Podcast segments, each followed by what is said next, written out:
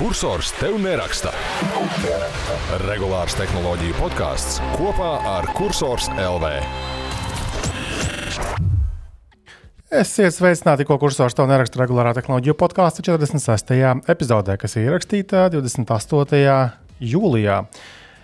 Kas tā šodien par dienu? Piektdienas, piekdienas eh, vakarā studijā esmu Kristaps, un šeit sarunājums ir pievienojušies eh, Henrijs un Nācis. Sveiki, Zēni! Sveiki! Hello, hello, hello! Jā, tātad no šīs nedēļas galvenā liekas, tehnoloģija ziņa ir uh, Samsung jaunumi. Tad uzreiz domāju, ķeramies klāt pie, uh, pie, pie, pie Samsungam, pie ragiem un uh, izdiskutējam. Tātad pamata, pamata jaunumi to ir salokāmie telefoni. Tātad Samsung Galaxy Flip 5 un Samsung Galaxy Fold 5. Latvijā, nu, ja Baltijā uh, zēburtiņš no nosaukuma ir izņemts uh, pēc uh, vietējā, acīm redzot, Samsung biroja lūguma. Savukārt citos reģionos tas Samsung Galaxy Z Flip un Z Fold joprojām ir. Tā kā tā, tāda nianse, ko, ir vērts ņemt vērā. Tu kaut kur aizceļ ārzemēs, nezinu, lidostās kaut kādās reklāmās, pamanīji, hei, kāpēc citādāks nosaukums. Nu, tad, nu, lūk, tāds ir izskaidrojums. Pagaid, pagaid, pagaid, pagaid, paga, stop. Tātad pagājušajā gadā, aizpagājušajā gadā jau tur bija tas, pagājušajā, ok, tas ne, neatiec uz aizpagājušo gadu, bet pagājušajā gadā bija problēma ar to, ka nosaukumā interneta veikalos nebija Z. Ah, kastītēm bija. Kas tas bija? Gan jau, arī tagad Šo... būs noteikti ir uz kastītēm. Es ļoti nu, šaubos, ka kāds, es ļoti šaubos, ka kāds uh, tik mazam tirdziņam, uh, tiem nezinu, 20 uh, telefoniem, ko viņi pārdos, uh, dizainēs un ražos citas uh, kastītes. To ņemot vērā šī gada cenas, tie būs 20 droši vien vai mazāk. Jā, bet es noskatījos uh, pēc tam to MKBHD video, kurā pa lielam viņš pateica arī nu, nu, manas domas par tiem telefoniem, ka principā nu, gandrīz nekas nav mainījies. Gan, gan tam vienam uh, telefonam, gan otram telefonam. Un ar gandrīz uh, nu, teiksim, tā, vieglāk pateikt, jā, kas, kas, kas ir uh, izmaiņas nekā tas, kas, kas mums ir palicis. Tad uh, ir nu, čipseti jaunie, Snapdragoni vēl, uh, tādas Snapdragon 8 Gen 2, uh, abām divām ierīcēm, tāda nu, jaudīgākais, aktuālākais, kas mums te ir. Uh, Uh, un eņģes ir uzlabotas abiem diviem telefoniem, un tagad šajās te, šajā jaunajā paudzē tie telefoni salokās plakani. Agrāk bija tā kā viņi kā ķīlis mazliet, uh, kas praksē nozīmē, ka tev ir šķirba, kurā visādi gruži ir iekšā, un tas vienkārši ātrāk jau tā nepārāk izturīgos displejus noved līdz saplīšanai. Un, un nevajag tagad domāt, ka tie displeji ir baigi izturīgie, jo nu, tā nav. Nu, es arī zinu cilvēku, kas, kas ir lietojis šos te telefonus un uh, gadu, nu, divu laikā ir nomainījis vismaz divas ierīces, tāpēc ka vienkārši saplīst displejs. Vēl nu, nav nekur tālu tikuši viņa izturības ziņā. Vai tas varētu būt iemesls, kāpēc mums neiedod uz ilgtermiņa testu tādu kārtīgu šīs ierīces? Mums bija uz ilgtermiņa testu. Uh, mums fold, bija uz ilgtermiņa, bet Jā, bet ne tik ļoti ilgi, lai varētu pilnībā izjūt. Tur, man liekas, Jorģim bija kaut kādi pāris burbulīši okay. iznākuši nu, ārā uz to ekrāna aizsargu plēvi. Nu, kurš tu gribētu ilgtermiņā lietot uh, šo telefonu? Nu, tā godīgi sakot. Uh, man pret, uh, tātad pret foldu man būtu iebildumi, jā, jo tas galvenā ekrāna, nu tā, tas formfaktors, vai es nezinu, kā malattiecība, uh, ir uh, drusku bezjēdzīgs, tas kvadrāts, teju kvadrāts. Un salocītā bet... stāvoklī ir tik šaurs tas priekšējais displejs, ka ir arī jā. bezjēdzīgs. Jā, jā, jā, jā bet uh, flips, manuprāt, ir. Uh, Nu, tas, ja tev gribās to lokano pamēģināt, tad flips varētu būt. Un it īpaši šogad, kad tu teici, nu, tur baigās atšķirības. Nav, nu, es teiktu, ka tieši flipa gadījumā tas ārējais ekrāns, nu, Kristaps jau bija atbraucis pie manis ciemos, pasist odus pie manis. Un, un mēs aprunājāmies, un man liekas, ka tas flip ārējais ekrāns šogad izskatās nu, tāds vilinošs, daudz vilinošāks par to, kas bija iepriekš. Jo tagad jaunajā flipā, nu, tajā pūdernīciņas uh, tipa telefonā, salokāmajā, tas displejs aizņem gandrīz visu priekšpusi. Protams, ka nav tik fancy kā Motorola, uh, kurš ir pa visu priekšpusi un kurā ir iegrieztas tās kameras astiņas. Šeit Samsungs tā kā tādu drošāku ceļu mazliet iet. Bet, nu, jebkurā gadījumā tas displejs ir krietni lielāks, un tā pozitīvā ziņa ir tāda, ka tu vari nezinu, nu, ne vidžetus vai, vai kā viņiem tur saucās. Nu, respektīvi, uh, programmas atsevišķas ir spējīgas uh, parādīt pielāgotu dizainiski saturu uz šī ārējā displeja. Un tas izskatās tiešām labi. Tur man nav kur īsti piesieties. Jā, kopumā man tas uh, flips uh, liekas tāds interesantākais. Nu, tā tad atgriežoties pie manas jautājuma, vai tu būtu gatavs ilgtermiņā, nezinu, to pašu pusgadu, kā es pikseli lietoju, lietot flipu, lai saprastu, kā viņš darbojas ilgtermiņā. Jā, bet pret flipu man nebūtu vispār nekāda iebilduma. Labi, tad man būs jāizdzēš mūsu podkāstu pirmās dažas minūtes, lai Samsung skepsi mūsu nedzirdētu un lai viņi iedotu mums Ansim uz ilgāku testu šo te flipu. Nu, bet viņi arī skepsi var uh, mazināt, uh, iedodot un pa, fantastisku flipu pieci ar, uh, nezinu, komplektā ar uh, coverīti vai kaut ko tādu, un, un, un, un tad mēs viņu pamēģināsim un atzīsim droši vien par tādu, kāds tas ir. Nu, Bet vai tas neietekmēs tavu vīrišķību? Ka tev būs nu, mazāk izmēra salokāmais, nevis kaut lielais polts. Kādā rozā, rozā krāsā drīzāk. Nē, tam flipa izmēram arī pagājušajā gadā, tam, kas ceturtais pēc kārtas, nebija galīgi nekādas vainas. Tas ekrāns tāds tā kā izstiepts, jā, Bet uh, nu, arī Sonija mūsdienās ir izstiepts. Nu, kas tur ko? Manuprāt, tas ir uh, nu, pat dažkārt tas ir ērti.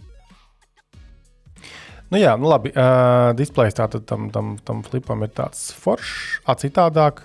Arī eņģi tāda jauna. Nekas jau tur nav. Nav baterijas, tādas pašas kameras, tādas pašas. Softa kaut kāda uzlabojuma, kas tur bija. Ah, ir bulis uh, atsevišķi nopērkamais priekš uh, gan jau ka priekš folda ir plakanāks, lai būtu ērtāk iebakstīt viņu nevis pašā telefonā, tik tālu Samsung nav tikuši, bet um, kaut kādā maciņā, vāciņā, kas ir speciāls. Un tas man liekas, tā baigi tā caur vienu vietu taisīts, bet nu atkal, ja liekas, ka tev gribās ir buli, nu labi, jā, nu, kur tev ir izcinājumi. Samsungs piedāvāt, mēģina visu. Tā kā es arī biju izteicies pat rādīšanu daļu, kad nu, Samsung burvība ir tāda, ka viņi vienkārši daudz pankūkas sacep, vienkārši met visas pret griestiem un skatās, kura pielīp. Un tā, tā kura pielīp, nu, to tad iterē tālāk uz priekšu. Un tādā ziņā it kā jau nu, pārmest nevar. Nu, jo nebūtu Samsungs tik aktīvs salokāmajos telefonos, es domāju, Google neiespringtu. Citi varbūt drusku kaut ko mēģinātu darīt, bet lielam lielais driveris. Manuprāt, šajā jomā joprojām ir Samsungs. Un, un, un tie telefoni kopumā nu, paliek prātīgāki. Cits jautājums, nu, cik viņus vajag. Lai gan atkal mums bija diskusija arī ar Gaugaru, mūsu māri, un, un, un viņa komandā ir cilvēki, kas lieto foldus uh, un atzīst tos par nu, produktivitāti uzlabojošus. Nu, varbūt, ja tu visu dienu dzīvo Excelos kaut kādos, tad varbūt ir arī jēga no lielāka telefona. Bet atkal, vai nu, mēs novēlētu cilvēkiem tādu dzīvi, visu dienu Excelos dzīvot, nu, nezinu. Katram jau savs izvēles. Lūk. Vēl no Samsung ierīcēm mums bija planšetdatori jauni un uh, vietpunkteņi. Uh, par planšetdatoriem tur mākslinieks klāt nāca ūdens izturība, jeb mitruma noturība, pareizāk laikam būtu teikt, nu, atkal feature. It kā forši, bet cik, cik baigi nu, vajag. Uh, un otra lieta bija uh, vietpunkteņiem savukārt atgriežas uh, grozāmais bezelis, jeb, uh, kā latviešu pateikt, uh, rāmītis augšā virs, virs uh, pulksteņa. Kuram tas bija? Tas bija tikai Samsungam vai tas bija arī Huawei? Kaut kuriem bija. Samsungam noteikti bija. Huawei, man liekas, vispār nebija tādas opcijas. Samsungam bija. Um, Pasen. Laikam Samsungam, Samsungam bija. ir bijis iepriekš. Jā. Un tā bija forša lieta reāli. Nu, tā kā noderīga. Jo, teiksim, vietpulksteņos nu, tur tie displeji ir maziņi. Un tāda bakstīšanās nu, nav baigta ērta. Un, un ar, es teiksim, arī Apple Watchā tas tā, tā skrūlēšana ar to digitālo kroni nu, nav, nav tur nekas baigi patīkams un ērts. Eh, un man liekas, ka tas eh, virspusē tu visu to eh, pulksteņa nu, apkārtējo rāmīti grozi, tas ir ok. Un viņš, nu, ja teiksim tā, tā kad nevajag, kad viņi negrib grozīt, viņš tur negrozās. Tā, tā bija laba lieta un forši, ka ir kaut kādā mērā arī atpakaļ. Nu, lūk, tie tie Samsung jaunumi reāli. Nu. Jāgaida ir cenas. Cenas? Es atļaušos cenas. Nu. Pulkstenis, man liekas, arī bija 5 vai 600. Nu, nu baisi. Vienkārši tā, tādu jau iPhone var nopirkt lietotu. Jā. Un savukārt tas folds bija 1900 kaut kādi eiro, ja ārprātīgi daudz. 1919 vai jā. 20, 1929 sākot no. Un flips 1200 kaut kas tamlīdzīgs. Kaut kas uz to pusi bija, jā, bet nu, nu, tās cenas ir pilnīgi kosmisks. Ļoti, man liekas, ka bija jau Ne tikai pie mums, Latvijā bija komentāri daudz par šīm cenām, bet man liekas, ka ļoti daudz citur arī pasaulē bija izteikušies, nu, ka cenas ir nu, nu, trakas. Grūti, grūti pamatot, bet no nu, Samsung ziņā atkal jāsaka, ka viņiem parasti nāk visādas atlaides. Uz, nu, tur nezinu, kāda 3-4 mēneši jāpagaida, un jau kāda atlaide būs rokā. Un, un, ja ļoti gribās, tad pērci, ja bišķiņ mazāk gribās, tad uzgaidi. Mm. Starp šīm epizodēm kāds mūsu lasītājs man uzrakstīja e-pastu ar pārmetumu tādu, nu, kāpēc mēs esam tik negatīvi ja, savos spriedumos. Un tagad, nu, protams, mēs ieklausāmies mūsu klausītāju viedoklī un cenšamies ņemt vērā. Un tagad mēs trijotā pasēžam, padomājam kaut ko tādu super pozitīvu par šiem jaunajiem Samsung produktiem. Henrija aiziet! Man patīk Laura video. Kas tur bija? Ar Lauru video. Nu, kā... nu, Ants heitoja atkal, protams, jā, bet es Ansim teicu, ka viņam jāietur uh, svaigā līnija. Viņš palicis, viņš nostrādājis. Viņš bija pasākumā pirmdien. Jā. Viņš smuki ātri pastāstīja par feature, protams, stāstīt tur jau neko nebija, kā jūs tikko pateicāt. uh, bet à, man patīk tas, ka nav tā lāsīt, ko tu pieminēji, ka pilnībā var salocīt. Jā. Man liekas, tas diezgan jau, jau big deal un arī no kaut kādas drošības viedokļa. Uh, nevar grūžu mazāk iekļūt ekrānā, līdz ar to saspiežas. Tā kā es domāju, tā ir. Un pats telefons plānāks arī ir. Jā. Jā. Tā tad eh, šautots arī Laurim Malacis, ka, ka turpina veidot šos video. Visi mēs zinām, ka eh, nu, atdeves nav eh, šāda veida formātam Latvijā, diemžēl. Bet, Pozitīvo, pozitīvo. Oi, nu, nu, forši mācīs, mākslinieks viņam arī, teiksim, tie ir vizuāli ar, ar vien labāk un labāk šie video arī izskatās. Tā kā, nu, tiešām šautots uh, Laurim, tiešām bez, bez nekādām tur divdomībām un tā. Lūk, un, uh, un, un atkal, jā, noslēdzot šo varbūt, Samsung tēmu, tad ir labi, ka ņemās. Jā, nu, nav, tas nav masu, masu produkts. Nu, es domāju, ka nevajag ne, ne, ne, ne visiem viņu to, tos produktus, bet, bet, bet, bet, ja neviens neeksperimentēs un nemēģinās un neaplausīsies ar kaut kādām lietām, tad arī nebūs attīstības. Tāpēc, nu, malači, ka to dara. Uh, mēģinam uh, nu, pētīt līdzi un, un objektīvi skatīties, ja, kura no tām jaunajām featurām ir derīga, nederīga. Uh, un informēt arī jūs, darbie lasītāji, skatītāji, klausītāji. Ja mēs runājam par cenām, tad uh, mēs varam smuki pārlikt pāri grāvim un uh, otrā tāda nometnē. Pēc baumām izskatās, ka Apple gatavo, ka iPhone būs dārgāki. Ja? Jo nu, tāda rudenī būs 15. iPhone, iPhone.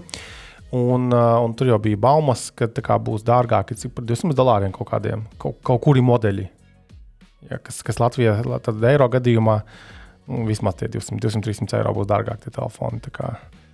Nekas baigi lētāks mums nepaliek. Spotify pozitīvi, dārgāk. Pozitīvi, pozitīvi. Būs labāks iPhone, vēl labāks. Jā, jo ne, tur būs tā action, action poga. Pastāstiet, Henrij, par to plašāk. À, nu, tā tad, jā, iPhone būs līdzīga poga, kā ir uh, Apple Watch Ultra, kad varēs nospiežot vienkārši pogu sānā, izsaukt dažādas komandas. Piemēram, ieslēgt kameru. Kaut kāda kamera jau tagad var ieslēgt no ekrāna, bet nu, tad varēs caur to pogu un nevajadzēs uh, atbloķēt ekrānu. Es godīgi pateikšu, īsti to jēgu neredzu. Pozitīvi, Henrij. Pozitīvi, Henrij. Nu, tas varbūt būs pozitīvais, ka tas uh, saistīts ar to, ka iPhone vairs nebūs tā tās fiziskās pogas, bet būs tās haptiskās ar vibro motoru. Nu, tā Ultra, tā, ir, tā ir uh, haptiskā podziņa vai fiziskā podziņa? Ultra tā ir fiziska poga, bet iPhone gadījumā, iPhone gadījumā tas būs caur to haptisko. Vispār grūti bija saprast, jo bija rakstīts, ka tas aizstās skaņas pogu. Pogas, tāpēc īstenībā nevarēja saprast, vai tā būs papildus poga, vai tas aizvietos tās divas sānu pogas, un tad tur varēs attiecīgi pielikt visādi funkcionalitāti. Jo pirms, jā. pirms kaut kāda pusgada vai pat vēl senāk bija tāds baumu nu, blāķis, ka, ka, ka viss būs haptisks. Uh, bet tagad būs gan fiziskā, gan haptiskā poga. Vai, vai... Zini, kā, ot, nevarēja īsti saprast, jāatzīst, ka tas tāds bau... Es tomēr saprotu, ka būs haptiskās, nu, būs šīs vibrācijas pogas vai haptiskās. Jā, vispār tāds vārds arī latviešu ir. Tā kā tā, tā kā varētu būt, ka nomainīsies tiešām. Bet uh, tas arī tāds 50-50. Un piebilstot par to cenu, tad vēl viens pamatojums bija, ka būs šis tas, uh, titāna rāmis. Jā, tas laikam bija pamatots. Nu, tur ekrāni vienkārši vēl šaurāki. Tas bija Jā, jo, jo tieši tā, jo par tiem displejiem tad bija nākamā bauma, ka tātad Apple it kā pušojot šos te, uh, piegādātājus, lai viņi uh, piegādā displejus ar uh, vēl mazākām vai nu, gandrīz neeksistējošām apmalēm, respektīvi, lai tas OLED displeja pilnībā nosacītu telefonu priekšpusi. Ja viņi to dabūs gatavu, uh, un ja tas uh, rezultātā nepadarīs vēl trauslākus tos telefonus, nu, es domāju, pēc kritieniem kaut kādiem, tad tas ir cool. Uh, nu, smuki izskatās. Es ticu, ka Apple var taisīt, lai smuki tas izskatās. Nu, jā, bet vai to vajag līdz galam? Un par to prasīt, jā, tad 200 eiro. Pozitīvi, jā, būs, būs bišķiņ lielāks ekrāns tajā pašā izmērā. Es, protams, domāju, ka tur tas pusmilimetrs vai milimetrs jau nemaina neko. Bet, ja nākamajam iPhone būs viss šaurākās apmalītes, kādas ir uh, vietāluņu tirgu. Tā ir pozitīvā ziņa. Vienkārši. Nu, tas Jā. ir vienkārši nu, tas ir šokers, tas ir bangers, tas ir vienkārši jāpērk iPhone. Uh! Tikai tādēļ. Jā, un Type-C nu, tur arī būs. Jo, jo, jo baumu nu, renderos būs, var redzēt. Nu, redzēs. Mārcis Gaugers gaida, viņš pirks jaunu iPhone. Jā, no oligarhas, protams. Uh, es savukārt jā, turpinu lietot to 11. iPhone savu veco. Es nopirku Eva Latvijas vāciņu uh, ļoti lētu par 14 eiro. Uh, kuram iekšpusē ir cieta. Attiecīgi, ja tur kaut kāds grūzis man trāpīsies, man būs smuki nopolēts uh, telefons. Un, Tā kā man ir uh, baterijas atlikuma, nu, tas uh, dzīvību, dzīvīguma uh, līmenis 83%, un dienu es nevaru izvilkt īsti, uh, tad es sāku pētīt uh, nu, par tām baterijas nomaiņas jautājumiem. Un tur man tāda atziņa bija, ka, nu, principā, mm, sākot no 11. iPhone, uh, Apple sāk striktāk skatīties uz tām baterijas maiņām, un, attiecīgi, ja tu kaut kādā veidā Nu, labi, būsim pozitīvi. Nesauksim kaktu kantorus par kaktu kantoriem. Tātad neautorizētajos servisos, ja nomainīsi akumulātoru, tad um, telefons darbosies, bet tev rādīsies kļūdas paziņojums tur iestatījumos pie baterijām, un laikam nerādīsies tā uh, baterija health sadaļa. Un viņš tur vienkārši arī teiks, ka tāda neoriģinālais vai, nu, vai kaut kāda neautorizētā detaļa iekšā telefonā. Un kurš iPhone grib kaut ko tādu redzēt savā uh, skaistajā, dārgajā, fantastiskajā ierīcē? Bet ir risinājumi. Attiecīgi, tu vari uh, nu, iet pie šī paša neautorizētā servisa, uh, tāda veikt šo baterijas nomaiņu. Tad tu vari uh, nogriezt no vecā, bat, vecās baterijas BMS, jeb bateriju management to, to, to, to čipu, plati, pielodēt ar, ar punkta metinātāju pie jaunā akumulatora. Tad tev vēl vajag pārprogrammēt to bateriju. Uh, Un tad visu palaidi, un tad viss smuki darbojas, un tad arī pat, uh, tiek apčakarēts iOS, un tad tā baterija rādīsies kā oriģināla un smuki ar visiem šiem datiem. Un interes... vispār nav ņemšanās. Nav, vispār nav. Ne, es pilnīgi jau skatījos internetā, cik maksā šie spot welderi, programmēšanas ierīces, uh, jo es, principā, tehniski gan jau, ka es varētu mēģināt arī pats nomainīt. Es gan testēju, mainīju 5. iPhone vai 5S, kas vispār ir super easy salauzu visus stekerus iespējamos, un tam man vēl bija uz remontu tas viss jānes. Bet tehniski var nomainīt. Un uh, vien, vienīgais skaties. Tātad neautorizētajā servisā 11. iPhone baterijas nomaiņa ar visu bateriju un darbu ir kaut kāda 50 eiro. Uh, ja tu grieztos autorizētajā servisā, Ideal, Capital vai, vai TSC, tad tas maksās um, aptuveni 90 līdz 100 eiro. It kā nu, pusi dārgāk. Uh, Es biju pazvanījies apkārt un, piemēram, mobile monsteriem, pajautājis, ok, labi, nomainīsim to bateriju par 50 eiro. Bet vai jūs varat arī pārlodēt to BMS, un vai varat pieprogrammēt? Jā, protams, viņi to visu var izdarīt. Vērķi viņiem ir, zināšanas arī kaut kādā mērā gan jau. Ka... Bet tad tā cena izaug ļoti tuva tai, ko tu maksātu autorizētajā servisā par šo pašu darbiņu.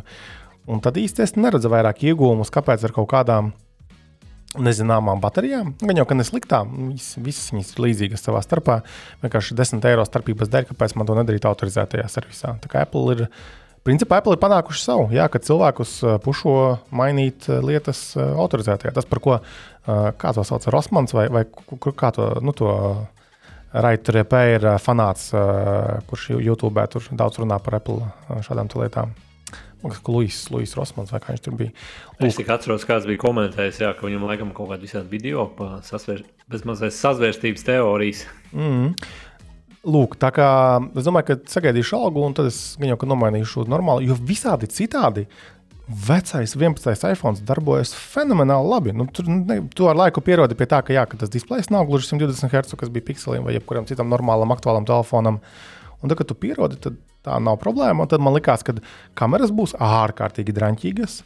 Uh, bet nav tik slikti. Uh, es domāju, ka nomainīs akumulātoru un ietaupīt to naudu, ieguldīs Apple akcijās, un tas man būs prātīgāks uh, darbiņš nekā vienkārši nopirkt, iztērēt naudu iPhone pavecu. Lūk, vēl par baterijām runājot, es vēl vienu interesantu rakstu uh, atradu un izlasīju. Tātad, nu, tas, ko mēs esam runājuši arī šeit, uh, ka Eiropas Savienība pušo ļoti mm, um, iekārtu ražotājus, mobilo iekārtu ražotājus, mobilo spēļu konsoli ražotājus, ka tām baterijām ir jābūt beigi nomaināmām. Protams, ka prātā mēs uzreiz iedomājamies vecos labos Nokia laikus, arī pat vienkārši Samsung bija taču vietā, kur viņi vēl pat, uh, kur attaisīja vāciņu un izknībina laukātu akumulātoru, bams nomaina pret citu un aiziet uh, jūriņā dzīvo. Mūsdienās šādu vietāriņu ir gandrīz necik. No vienīgais, kas tāds prātā nāk, ir Fairphones. Ja, tā tad šī Nīderlandē bāzētā kompānija, kas taisa ļoti ilgspējīgus mm, telefonus, piedāvā rezerves daļas, baterijas nomaināmās. Un, un viņi paši bija komentējuši šo visu lietu. Un tur viņi bija nonākuši līdz tādiem atziņām, ka, jā, protams, mēs varētu arī mūsdienās uzražot vietāluņus, kuriem ir izņemama un viegli un ieliekama baterija. Bet, uh, tas var radīt problēmas, ka, piemēram, kaut kādā momentā pazūd kontakti ja, pret akumulātoru, pret, pret, pret ierīci. Un nevelti mūsdienās šie akumulātori tiek nu, pamatīgi ielīmēti tajās ierīcēs, lai nebūtu vispār nekāda veida, ka var pazust. Tas ir viens. Otrs, ja mēs dodam iespēju cilvēkiem atknibināt tos um, uh, vāciņus, nu, lai nomainītu akumulātoru vienkārši, būs problēmas ar uh, tātad ceiling, jeb, jeb nu, pret mitrumu noturību. Ja? Arī pat mainot tam pašam iPhone, tev, tev pēdējā darbība, pirms tu vāciņu uzliec, tev vēl tā blīvīte ir jāuzlīmē iekšā. Tā, tur ir, tā, tā ir arī lieta. Un visdrīzāk tā blīvīte tev nesanāks uzlīmēt tik labi, kā, kā rūpnīcā roboti to izdarīt. Tā kā tev arī pret mitrumu samazinās kaut kāda lieta. Un trešā noslēdzošā bija tas, ka vienkārši ierīces paliek biezākas. Nu, tu nu, nav iespējams izveidot ērtu, vieglu attaisāmu sistēmu, viegli nomainājumu akumulatoriem uh, un reizē arī to plānumu, kā, kurā visi dzenas un, un skrien. Par to plānumu gan jau, ka nu, nu, nav tā, ka visi plānums beig... tāds uh, Diskutab, jautājums. Jā, diskutabls jautājums. Citiem jau patīk, citiem jau tomēr patīk, ka labāk rokā iegūt. Ņemot vērā, ka ko tev dod plānais iPhone, ja tur ir nezinu, 3, 4 mm vēl ā, kameras izbīdītas laukā, ja, un kad tas telefons neguļ, piemēram, uz galda līdzenī. Nu, tāpēc arī uh, tikpat labi varētu tos milimetrus piemest pārējiem korpusam, ielikt lielāku akumulātoru, nezinu, par 500 mAh un vispār būtu baigi skaisti. Bet tie pirmie punkti man diezgan valīdi izklausījās. Es, man nav tāda pārliecība, ka, hei, es gribu mainīt savam telefonam akumulātoru tik vienkārši, bet ot, iegūt šādus te, uh, potenciāli trūkumus. Jo Nokia laikā. Sanāk, ka viņi pat iestājās pret nu, kaut kādā mērā. Tas, tā, tā raksta galvenā atziņa bija tāda, ka, hei, vokur tev Fairphones, kurš piedāvā šādu nomaināmu akumulātoru telefonu, iedot labus argumentus Apple, kāpēc tā nedarīt. Ja? Un tas, ko es teicu par to Nokiju, atcerieties, taču laikam, kad mums bija telefoni, podziņa telefoni, tipiski, ja viņš kaut kur izvaļās no kabatas, viņš vienkārši izšķīst reizinātājos. Vācis viņš aizlido, baterija aizlido, telefons aizlido. Viss skaisti. Vai mēs gribam atgriezties pie jaunības, eksplozīvajām šādām lietām? Diez vai. Lūk, tas ir par akumulatoriem. Man ir tāds domīgs, uh, ūsas savas glaudi. Ko tu par to visu domā? Mm, tieši par tavu akumulātoru problēmu maiņu vai, vai, Labis, vai par abisu. to? Gan, gan. Tu mainītu? Nu, Pasotaku. Vai.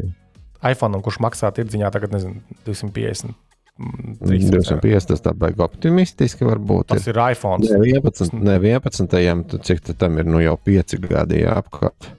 4. Nē, es, es nemainītu. 5 droši vien. Matemātiski tur sanāk 4, bet faktiski ir 5. Uh, nē, nē, es nemainītu. Nu, iPhone jau problēma lielākā ir tā, ka ir lēna uzlāde kaut kādu Xiaomi, tu piemet pie lādēšanas, tev pēc 15 minūtēm 50% un viss aizrūlē. iPhone tomēr tas nav tik vienkārši. Varbūt neteiksim tik vienkārši, tas nav tik ātri. Man tā šķiet. Ne, tā pavisam noteikti ir. Tur nav, tas, nav, tas nav tāds uh, patīk, nepatīk jautājums. Tā vienkārši ir. Es paralēli iemetu aci, cik SSLV, cik maksā uh, iPhone ir. Bet Krista to pastāst par to Redevice. Pagaidiet, stop. Tiksim līdz tam. Tā tad SSA. Mums ir iPhone 11 lietots ar kaut kādiem defektiem 160 eiro. Bet tas ir vienīgais. Un tad, principā, cenas sākas 220, 260, 270, 290, 335. Tas ir 11 vai 11 Pro. Runa ir par parasto 11. Jā, bet tad, nu, lūk, Viena, vie- viena lieta ir 300 eiro, paprasīt cenu, 300 eiro. otra lieta ir dabūt to naudu. Tas nav tu telefons. Tas nav Android telefons. Mēs ar Henriju labi zinām, ka Apple lietas labi iet un pa labu naudu arī lieto. Arī ļoti lietotas. Tie nav Android telefoni, kurus nevienam nafig nevajag pat veikala plauktos izlikt. Origo bērniem arī vajag iPhone. Tad viņi saka, ka to naudu viņi ir gatavi nopirkt. Jā, par redevaisu. Kas ir redevaisu? Tu teici, tu biji skaties, un tev liekas, ka viņš ir beidzis biznesu, uzņēmējdarbību. Mm, ja, es pamanīju mājaslapā, ka, ka tur sadaļā ir tukšums kaut kāds, ka tu gribi kaut ko nopirkt. Un tagad, pirms kādām dažām dienām, es pamanīju augšā viņiem sarkanu mm, paziņojumu, We are on our summer holiday. Eh, Kas, protams, ir eh, ļoti jauki, bet mm, kurš nopietnas uzņēmums vispār visu aptur darbību, Īpaši tirzniecības, jā, tas ir interesants. Bet, nu, var atļauties. Tāda viss notiek. Varbūt Bet šeit es jau atkal iesprādu savējās uh, divas kapeikas. Ka, Nu, nu, nu. nu. Nu, ja mums ir tādi, tādi džentlmeņi kā Kristaps, kas rotē tikai vecus iPhones pa savu ģimeni apkārt un neko jaunu neiegādājas. Nu, ko, tad, ko tad tie uzņēmumi tirgos? Henrijs, tas ir malacis. Viņš katru gadu dabū jaunu telefonu, veco iemet mežā, un viss notiekās. Es neiemetu mežā. Es esmu Nu. kapitāls upuris. Es atdodu atpakaļ LMT. Tu, tu veicini inovācijas, tu veicini pārstrādi. Tu, Es atbalstu LMT runāsim labāku ceturkšņu pozitīvi, jā. ieņēmumu. Jā, tieši tā. Tieši tā. Bet, bet uh, Kristaps ar savu pieejamību, mainot kaut kādus akumulatorus, neatbalsta inovācijas, uh, neatbalsta uzņēmēju darbību, kā mēs labi redzam. Viens pat ir te paspējis nogrimt vai aiziet vasaras atpūtā. Nu, slikti. Mm. Uh, jā, tā kā tā. Kas mums vēl par iPhone bija kaut kāda ziņa, ja jau mēs tā smuki un dzīvi, nu, pozitīva ziņa, gribēju teikt, piedodiet. Uh, Nevar, uh, nevar, nevar runāt vairāk. Ants jau ir, nu, viņš ir jau depresijā. Depresijā. Jā. Kaifot par kaut ko citu. Okay. Par nothing. Nothing. Ugh, par Nothing runājot. Tātad uh, mums Nothing Phone 2 ir atbraucis uz testu. Uh, burtiski vakar uh, saņēmu. Un uzreiz pārsūtīju Jurģim, nu, tā kā viņš lieto Nothing Phone 1. Es domāju, tas no mūsu komandas šobrīd ir galvenais uh, čovaks, kurš uh, arī vislabāk arī mācās pastāstīt. Nu, ir tur būtisks izmaiņas, jo mēs jau runājām, nav tur tādu baigo tur izmaiņu. Kā tas varētu būt pozitīvi vienīgais? Jo tā ir pierasta ierīce. Ja? Zini, kā tev nevajag tās jaunās izmaiņas. Tāpēc mēs iPhone pērkam, ka uh, neatkarīgi kāds iPhone, vai viņš maksā tur, nezinu, pusotru tūkstoti vai, vai, vai, vai 350 eiro, viņš izskatās un darbojas pilnīgi tāpat. Tā ir pozitīvā ziņa. Tāpēc mums patīk Apple. Lūk, un pārbaudīsim, vai, vai Labi, es domāju, mēs varam beigt to pozitīvismu. Jā, tas pilnīgi nav pa mūsējais. Jā. Ja, ja, ja par ierīcēm, tad, jā, tad Zenfonu viņš desmit, desmito testē. Tas mums bija un solīja, ka, ka nākamā nedēļa varētu jau būt arī pirmie apskati. Un mums Jurģim vēl bija kaut kas aizsūtīts, man liekas, tātad, Ah, un Sony Xperia 10V, tātad uh, midrangeris, tas, tas arī bija. Un vēl no tādām jaunām lietām mums ir uh, jaunās tās ā, Sony VF1000 XM5 austiņi. Ne- nekad nav iemācījušies nosaukums uh, savām produktiem. Uh, taisīt ne telefoniem, var atcerēties un, un ielāgot ne, ne austiņām, bet tās ir tās mazās mm, bezvadu austiņas. Kurām uzlabojumi ir tādi gan jau arī superinkrementāli. Nekas tur beigas būtisks nav mainījies. Bet tās arī mēs testēsim un skatīsimies, kas, kas tur tāds notiek. Ah, un MSI laptops, Cyborg, kas atbrauca 15. Tur Ansim būs darbiņš. Tā kā tev patīk tie laptopi, ko krati galvu. Protams, ka man patīk. Jā, tas ir fantastiski. Uh, milzīgs Izaicinoši. Izaicinoši, jā. Izaicinājumi ir vajadzīgi, lai mēs augtu un attīstītos. Nē, mums neiet ar šo pozitīvismu. Tā, labi. Uh, kas mums tāds vēl tāds interesants šonadēļ bija? Par cenu kāpumiem. Mēs, paga, mēs runājām pagājušajā par to Spotify um, paaugstinās abonēšanas maksu. Vai, man liekas, ka mēs kaut kur ieskicējām kaut kādā mērā. Bet uh, var arī īsumā vēlreiz, respektīvi, Eiropā par vienu eiro pieauga cena. Kaut, kaut kuriem mēlus Jā, sūtīja. jā, jā, jā, par vienu eiro. Es esmu ģimenes plānā kaut kādā no seniem laikiem, un kamēr tas ģimenes galva neapķersies, ka viņam pieaug plāna cena, eh, tikmēr man tie būs tie mani, kas tur divi eiro mēnesī. cerams, ka viņš neapķersies. Gunti, ja tu šo klausies, tad čau. Lūk, uh, un, un, un YouTube prēmijum arī dārgāks paliek. Bet te bija tas haks. prēmijum Tas ir ja, grūti. Grūti bija saprast, jo, jo es, es esmu YouTube prēmijum uh, nu, abon, abonents, bet es esmu vai Argentīnā vai kur tur.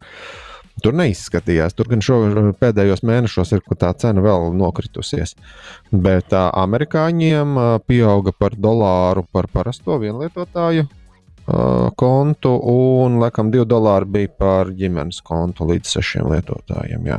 Nu, gan jau Eiropā kaut kas līdzīgs būs. Hm, Neviens jau, neviens jau nepaliks malā mm, šajā ziņā. Naudas, naudas atņemšanas ziņā. mm -hmm. uh, kas vēl dārgāks mums palika? Vai viss? Nav, man liekas.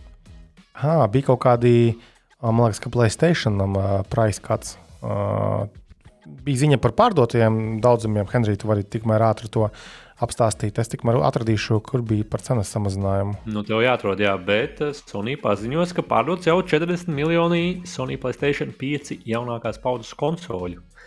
Tas ir eh, ļoti labs rezultāts. Šo līdz, nu, līdz 26. līdz 27. jūlijam pārdot 8 miljonu šajā gadā, un beidzot ir sakārtots viss piegādes ķēdes. Tagad, ja redz, redz plēsīti, tad viņi arī varēs normāli iegādāties. Nevis kā pandēmijas laikā Latvijas Sony lapā jau pat vairs nevarēja pieteikties, jo nu, tur bija diezgan tā labā cena, kamēr tur, nezinu, ebējā tur bija tūkstoš, pusotrs. Tūkstoši eiro, jā, tur bija pār pa 500 eiro, bet tagad tas viss sakārtots. Jā. Bet, uh, kā saka analītiķi, tad bi- nu, ir veiksmīgi kopumā, protams, iet, bet, lai pārsistu Placēta 4 vai pat Placēta 2, kas tur ir pār pa 100 miljoniem pārdoti, protams, viņi ir eh, krietni ilgāk tirgu. Tad tur, uh, tur plēsim tieši piektajam būs vēl jāiespringst. Un tad saka, ka tā pro versija varētu būt, ja viņi tiešām parādīsies, vai arī virtuālās brilles atkal palīdzēt pārdot. Jā, un pie reizes uh, arī vēl ir tā parādījušās pirmās bildes, arī Kvants rakstīja par pārnēsājamo Sony Playstation konsoli. Kas jāatzīst, man, man patika. Kaut kas komentāros rakstīja, ka laikam kāda jēga no tā. Vai arī tu Un- pats Ants to rakstīji? Nu, Bet man liekas, diezgan, gultā, ja tev mājās ir. diezgan uh, simpātiski. Man liekas, sim, viņa principā tā kā nu, Playstation 5 dizainā paņemt pulsus pusēm. un Pārzāģēta? Ja, un tur Jā. vienkārši tur pa vidu Nu, tāda lēta, jā. lēta planšeta Android. Iet, Jā, iet, man liekas, diezgan, diezgan, diezgan simpātiski, bet arī vairāk informācijas nebija. Ne pa jaudām, ne pa ko. Diezgan plāni izskatījās. Es domāju, tad jautājums par to ilgdarbību. Nē, nu tas jau tā kā tikai ekrāniņš ir uh, strīmošanai no īstā Playstation 5, kas tev Tā, mājās tas ir. ir koncepts, jā. Jā, jā, jā tā vismaz Ah, varēja ok. saprast. Mm -hmm. Uh, un es paskatījos ātri Sony mājaslapā Latvijas, tas, kas ir Center LV. Tad viņiem ir uh, digital edition Playstation 5 maksā 530 eiro un ar iespēju iebāzt disku laikam, jā, ir uh, 600 eiro un pieejams rīt. Nu, nav, nav Tas nozīmē, slikti, tas nozīmē ka jāatzīst. nav atlaides. Jo es arī. Atlaides Nē, nav. bet- 530 ir laba cena. Viņa nav baigta augusta. Man liekas, bija 499 pandēmijas laikā. Tā kā 499 bija tā kā solīts, bet nevarēja nevienā vietā nopirkt par šo cenu. Tur bija 800, tā kā 700 tas ir un tā tālāk. Tas nav slikti. Bet tas, ko es atradu tagad internetā, respektīvi kaut kādās uh, Vācijā, Austrijā, Sonija tātad 75 eiro nomet, un uh, atsimredzot lētākā, tad maksā 475 nu, Nu, ja esi eiro. Amazonē, paskatīties to līniju. Domā, Amazonē būs tās uh, atlaides? Nu, Nu, Pagaidzi, meklē vēl. ok. Uh, labi, kamēr tu meklē, tikmēr um, kas tur bija Eiropas Savienība Jā, atkal? 459 eiro. Reku šodien var 459? aiziet.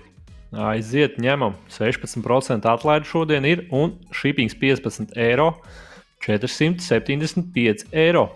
Un Playstation 5 ir tavs. Nē, nevar Nu, jā. nepirkt. nevar nepirkt. Ancis sūta augšā. Nē, man nepatīk konsoles, bet manuprāt, par 475, ja tu vari dabūt uh, Playstation 5, tad tas pārsit visus. Uh, Tas ir par diska versiju vēl. Nu, nē, es domāju, ka digi- tas nav baigi. labi, Tas kas nav baigi būtiski, jebkurā gadījumā. Bet man liekas, ka dabūt uh, Playstation 5 par tādu cenu. Klēpī datoru vai galdatoru Windows izko priekšspēlītēm par tādu cenu mūsdienās nesaliksi nekādā gadījumā. Nekādā gadījumā, ja tu gribi kaut kādu GTA 5 spēlēt ar nezinu, 60, 80 kadriem sekundē, varbūt tu vari lietot, nopirkt, mēģināt kādam tur izšumu gulēt, bet uh, jaunu ierīci tu nevari nopirkt. Bet tā vakar ir Microsoft Xbox Series S uh, 389 eiro. Tā nav. Es, Nē, tas es, tā nav laba cena galīgi. Jā, nē. es nopirku 300 eiro. Tas ir kaut kāds special edition, tad varbūt. Nē, tas vienkārši dateksā. Kur tad? dateksā.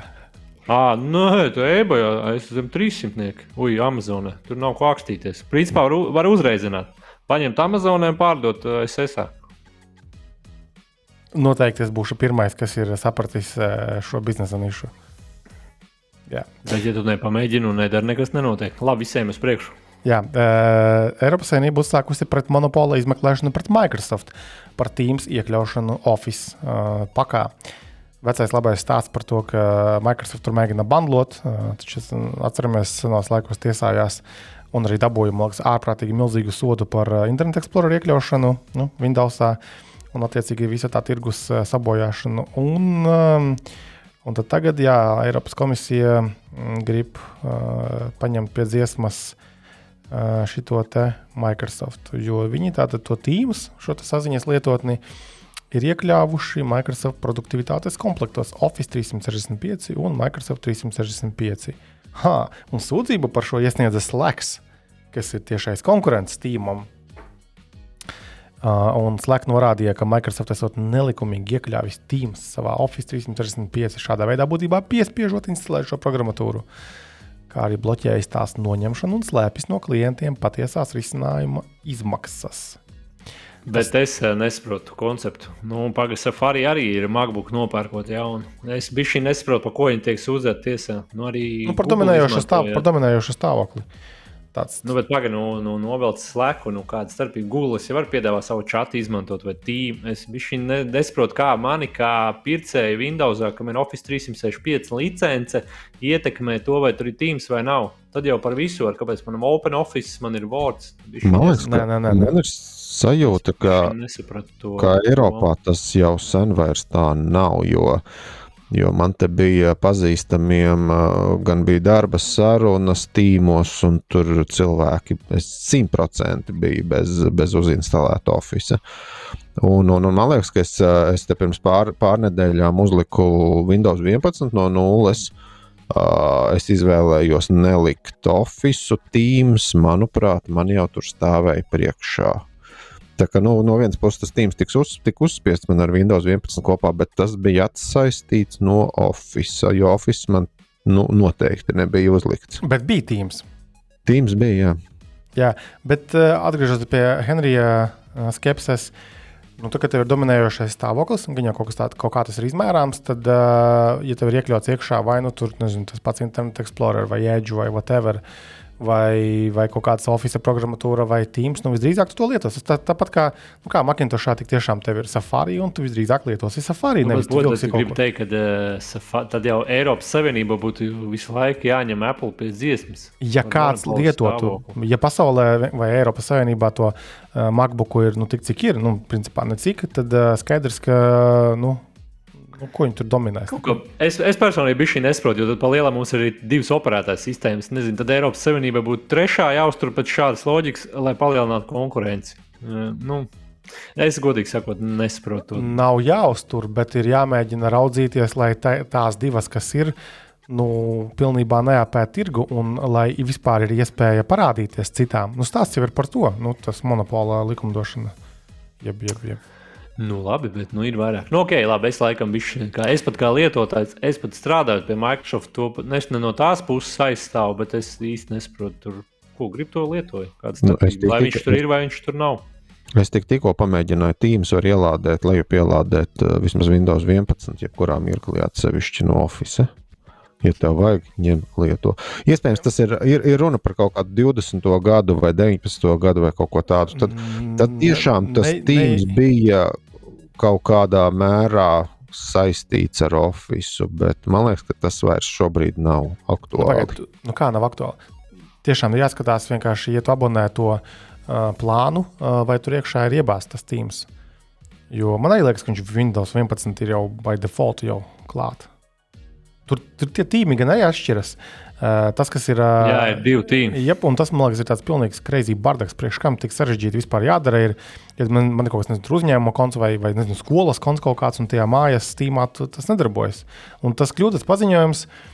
Nu, nav, man liekas, viņš tik saprotams varbūt tādam mas, masu lietotājam, kas man vakur tīms ir, kāpēc man nedarbojas manas pieejas. Tad to jāmeklē un jāizslēdz. Tas ir, kas tur bija tīms par biznesu vai kā viņš tur saucās vai for organizations.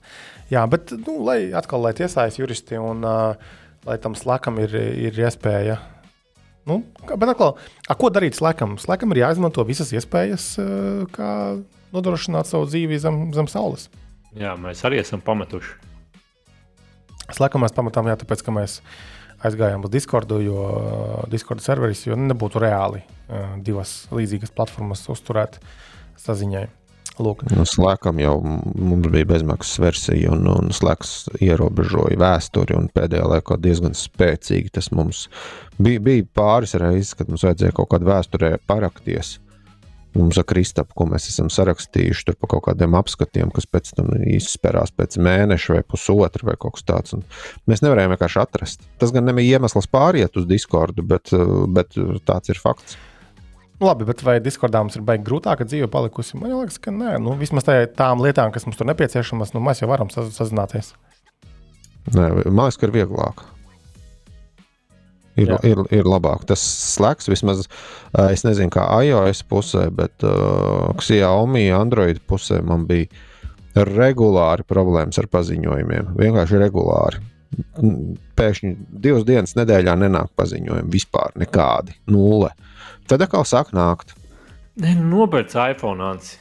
Vispār nebūs par tādām lietām. Pat, jā, par to mēs parunāsim, Kristap, vēlāk. Nē, ar Kristipu nerunāsim par tādām lietām. Uh, bet. Uh, Nebūs iPhone. Kaut ko gribēju. Ah, zini, kas man nepatīk Discordā? Uh, tas, ka tu nevari starp kontiem pārslēgties no mobilajām ierīcēm, tas ir nenormāli besīgi. Nu, kad, piemēram, man ir, man ir darbā, mēs izmantojam uh, Discordu un vēsturiski vienkārši tā iegājies, neprasīju, kāpēc, bet un, un tad ir kursori. Tas, uh, Discords no kompja versijas tur ir pārslēgts ar šiem profiliem. Uh, savukārt, mobilajās lietotnēs nav tādas iespējas. Tu jāizlogojas laukā un jāielogājas iekšā. Un, protams, ka neviens to nedara ikdienā, tas ir uh, liekas čakars. Tas man liekas, joprojām dīvaini, kāpēc tas nav. No, tas ir tas, kas Vācijam pietrūkst. Mm, ko, ko tur? Nu, arī varbūt vairāk WhatsApp, piemēram, tu, tu gribi pārslēgties. Tu tur sevi sarakstīties. Nu, bet WhatsApp jau taču Nē, nu, idejiski. WhatsApp numuram piesiets. Ar. Nu, jā, bet nu, varbūt tu esi super svarīgs cilvēks. Tev divi, trīs numuri, nezinu, tev tur kaut kāds darba numurs ir un, un kādiem klientiem jāsazinās. Tad ir žuļīties gribi. Nu, nē, nu vienkārši realitāte arī tādā ziņā es iedomājos. Runājot par uh, WhatsApp, bija ziņa, uh, ka viņi video šos mēsīčus uh, palaid, palaist, sāk vai plāno palaist.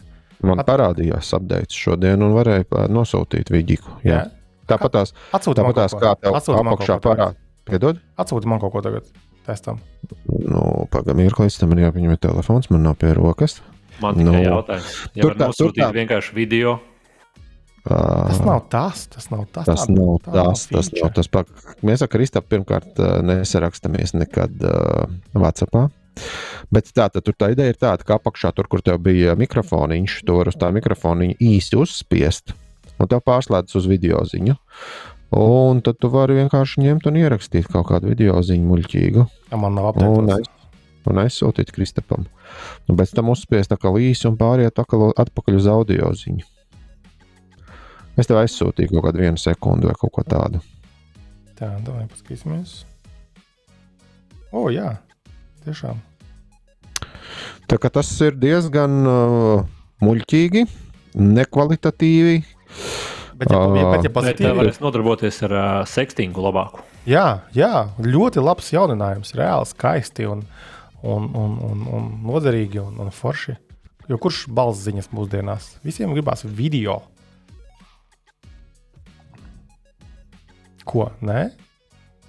Lūdzu, nesūtiet man neko šajā sakarā. Paldies! iOS nav iespējas pagaidām. Ja? Jā, tur pa vecam. Bet es tev sūtīšu Discordā balss ziņas tagad. Bet, Elsos vienkārši. jau pagaidi.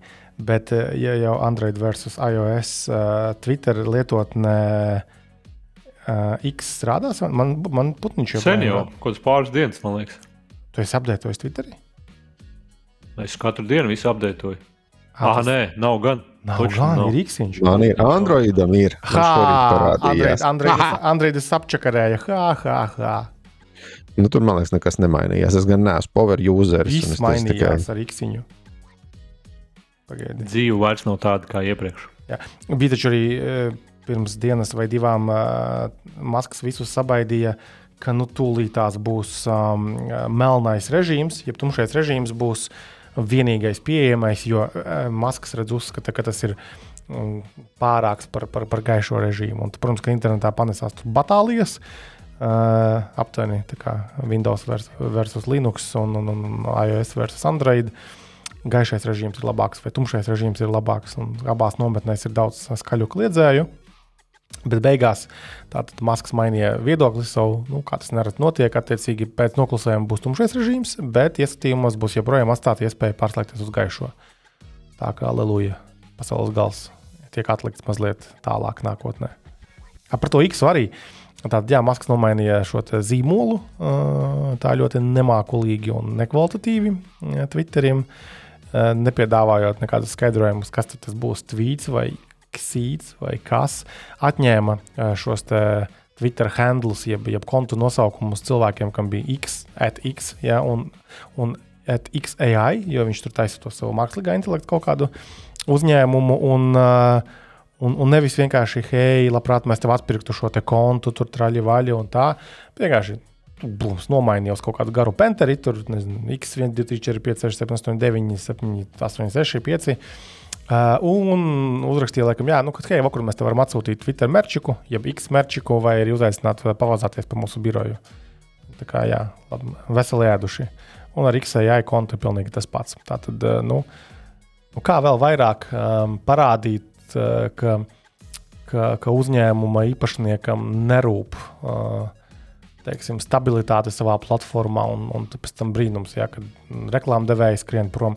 Par reklāmdevējiem arī. Uh, kā tur bija? Ja, ja tu mēnesī neiztērē kaut kādu budžetu, tad viņš tur ņems no to laikam verified badge vai kaut kas tamlīdzīgs. Respektīvi, visādos dīvainos veidos un nepārāk draudzīgos veidos uh, maskas nu, čakarē to Twitterī.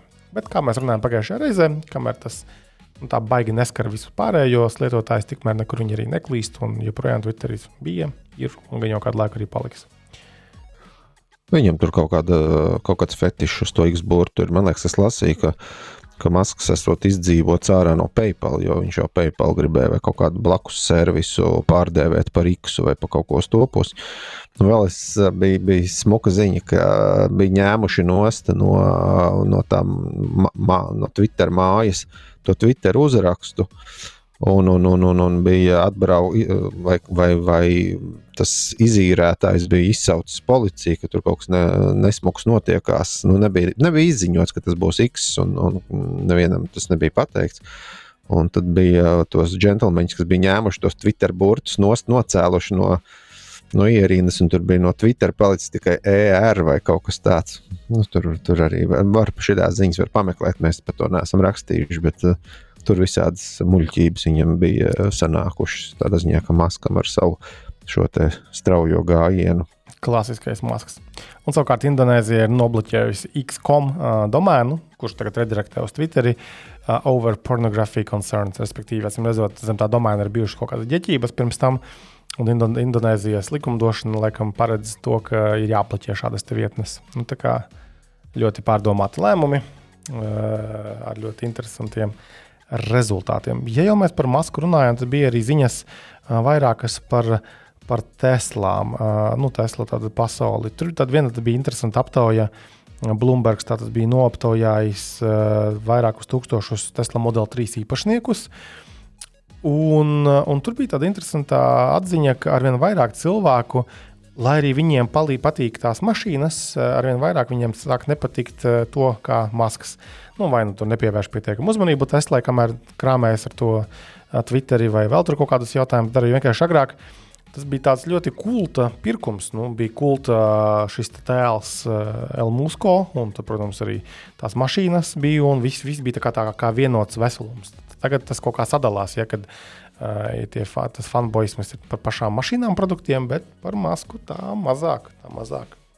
Un otra ziņa bija saistībā ar, ar Teslām, ka, ka atkal maskas visur iesaistīts ir maskas, ka maskas bija uzdevis nu, mm, čītot ar, ar, ar range, nobraukuma atlikuma datiem.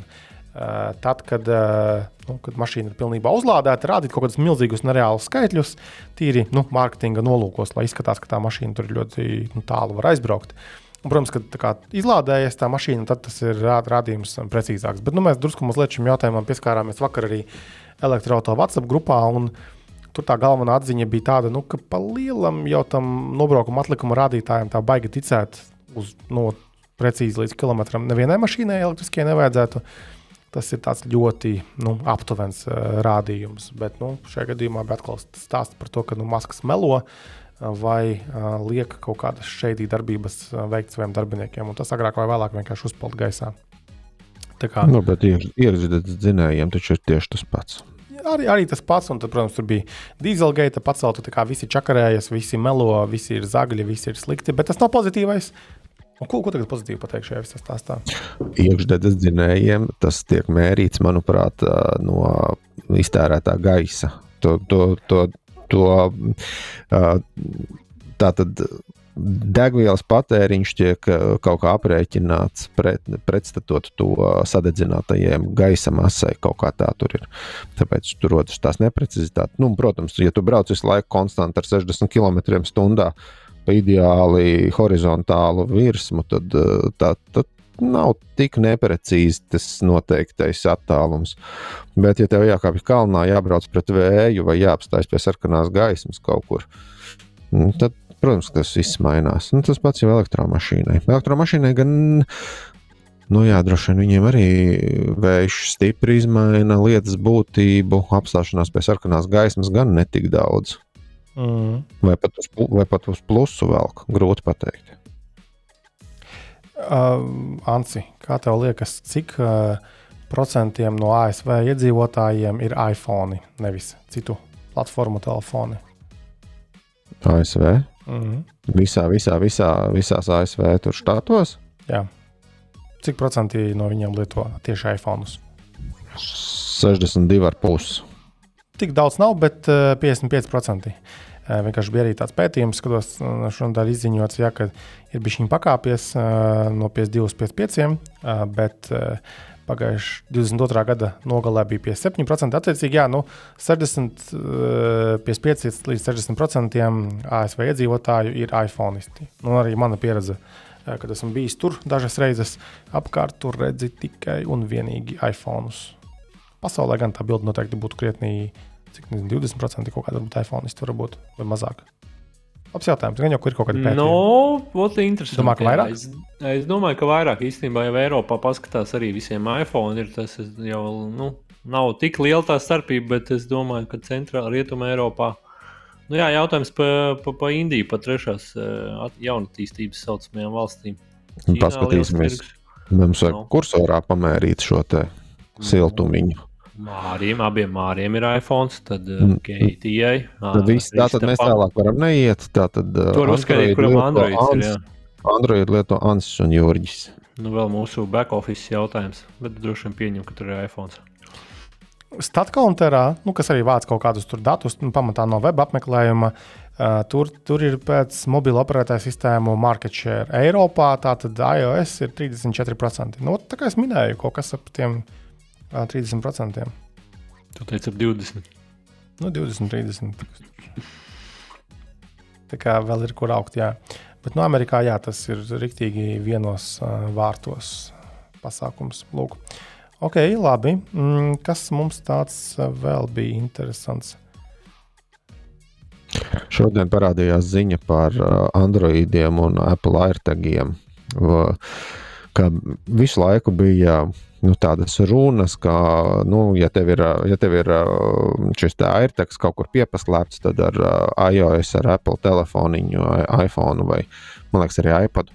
Tev, tu varēja atklāt, tev tur paģingstēja ilgāku laiku, pie tevis tavā tuvumā ir viens un tas pats ne tavējais airteks.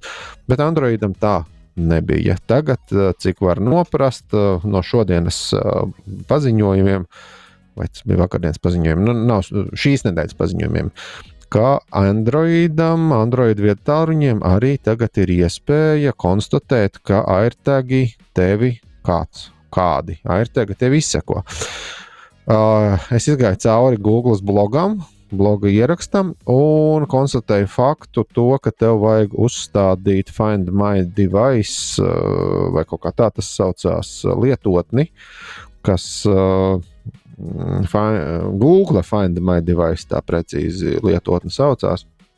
Man liekas, nu, varbūt neapdomīgi tā, ka tas nav šis te Find My Device, nav iekļauts uzreiz Google Play iekšā. Nu, kāpēc, kāpēc man būtu jāiet un jāliek monopols, konkurence? Nē, nu tas ir vienkārši vai slingums, vai stulbums. Es nezinu, kas tas ir, vai, vai, vai nodevība, vai kaut kas tāds. Nu, jo, jo Google Play ir aplīmēts ar visādām muļķībām, un kāpēc, kāpēc nevarētu šādu lietu, kas ir gandrīz visos vietāluņos, Android iekšā, skaitot Huawei, uh, nu, paņemt un iecept iekšā, nu, lai tas Find My Device tur ir. Nu, tas Find My Device atbild arī par, par to pašu citu vietālu atrašanu, par cik var noprast par kaut kādu Bluetooth accessoru atrašanu. Uh, tas, nav, tas nav tāds tā kā Apple, kā viņam tur saucās, arī kaut kāds Find My vai kaut kas uz to pusi. Jā, tā arī saucās. Jā, tas nav tik, uh, tik izmeklēti forši kā Apple, kur ir visi šie mm, Apple tie mazie mikroprocessori, kas ir piemēram visās, visās Apple austiņās, atskaitot bīta austiņas, laikam tā tur ir un, un tā tālāk. Uh, ka, nu, tas nav tik nostrādāts līdz galam, bet uh, tas varēja būt iekļauts uzreiz iekšā, jebkurā atjauninātā vietā tālrunī. Tev pat nevajag tur nekādus jaunus androidus, tu vienkārši uzstādi. Nu, tas varētu būt principi jautājums, zin, kā vairāk. Tā jau būs tāda pasniegšana Apple virzienā kaut kādā mērā. Es to tā redzētu. Nu jā, bet tev aplīmē ar visādām lietotnēm, un tad nāk visādi Android. Te gan es teikšu, ka Android dažos, dažiem ražotājiem ir vienkārši mēsls. Tam pašam mūsu draugam Samsungam uh, vienkārši paņem un ilgāk nelietotās lietotnes tev atspējo. Tev atspējo atjauninājumu, tev atspējo tur visādas fona darbības, kas man, es atvainojos, es būšu rupšs, teikšu, besijā ārā, piemēram, uh, nestes lietotne. Lai to aizbrauktu uz nesti un ietankotos, tev vajag jaunāko nestes lietotnes versiju. Tā tad man patīk, nu, es nezinu, tur es, ne, es nebraucu baigi bieži iekšā, bet tik pa pāris nedēļām vai, vai pusotras nedēļas nu, nākas iebraukt tajā nestē un ieliet degvielu. Un tad man šis Samsungs ir apstādinājis nestes lietotni, es neesmu saņēmis atjauninājumu, es tur nevaru kaut kādus palaist at, atlaides, vai man tur vispār tā lietotne atsakās sadarboties ar, ar, ar sūkni. Uh, Tad es sēžu, es atjaunoju lietotni, varbūt tur ir sliktāka zona un tā tālāk. Nu, šis te man rīktīgi krīt uz nerviem.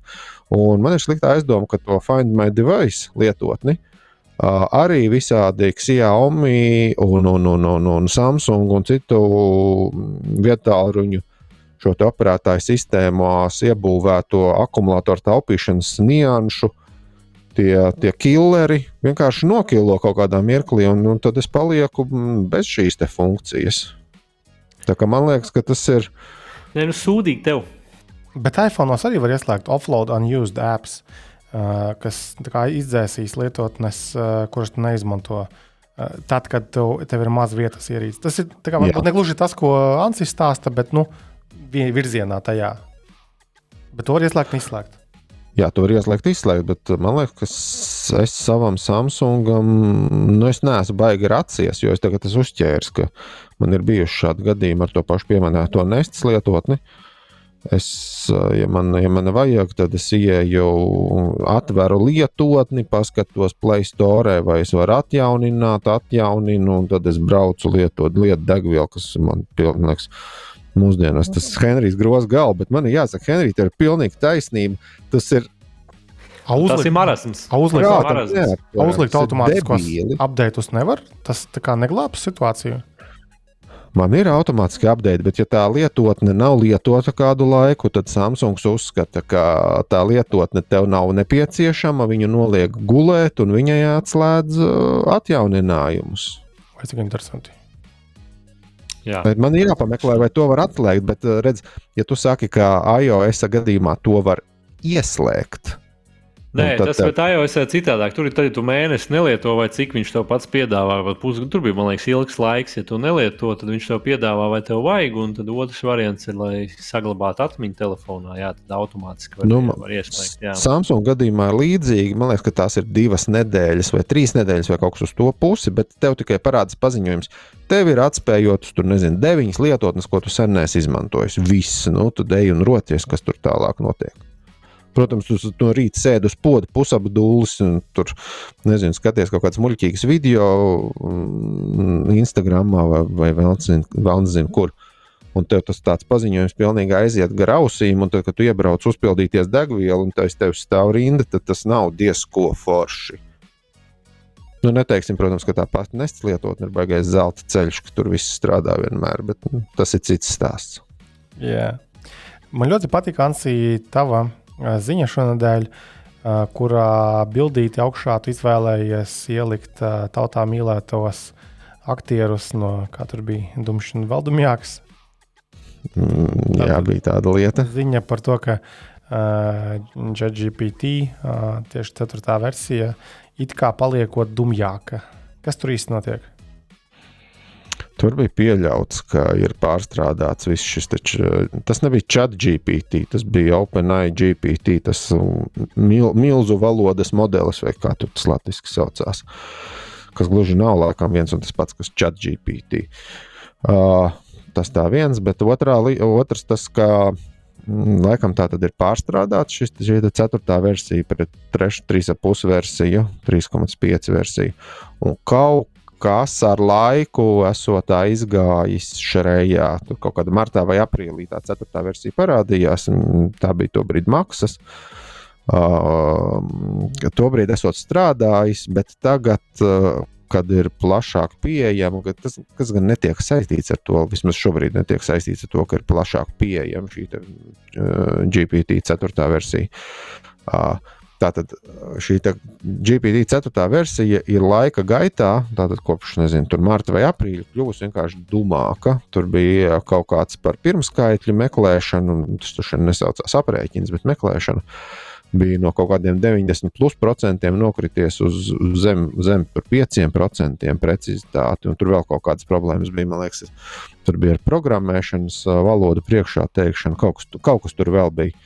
Bet, nu, droši vien, ka šis GPT mm, saziņā ar cilvēkiem, vai es nezinu, ar ko, kļūst vienkārši dumāks.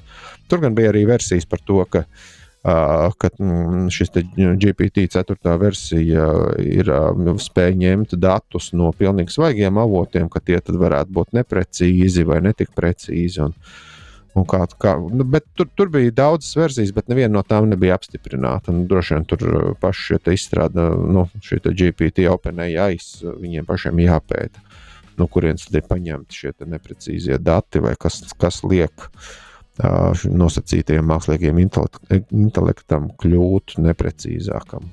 Nu, to gan, jau, gan jau viņi veiks kaut kādu izmeklēšanu, nu, kaut kādu nedēļu vai mēnešu laikā, gan jau būs zināms, kas tur ir. Jautājums, vai viņi spēs salabot. Un vai gribēs? Gan jau, tas ir kaut kāds nezinu, finanšu jautājums, jo nav jau tā, ka baigi lēti darbināt šos risinājumus, ir, un, un varbūt vienkārši kaut ko pamaina konfigurācijā. un Kļūst lētāk, bet reizē arī stulbāk. Bet man ļoti patika komentāri Twitterī. Man liekas, arī komentāros pie, pie šī raksta, ka nu kā, vienkārši stulbie cilvēki sāka lietot un eh, padarīja stulbu to mākslīgo intelektu. Tā kā nolaida līdz savam līmenim. Lūk.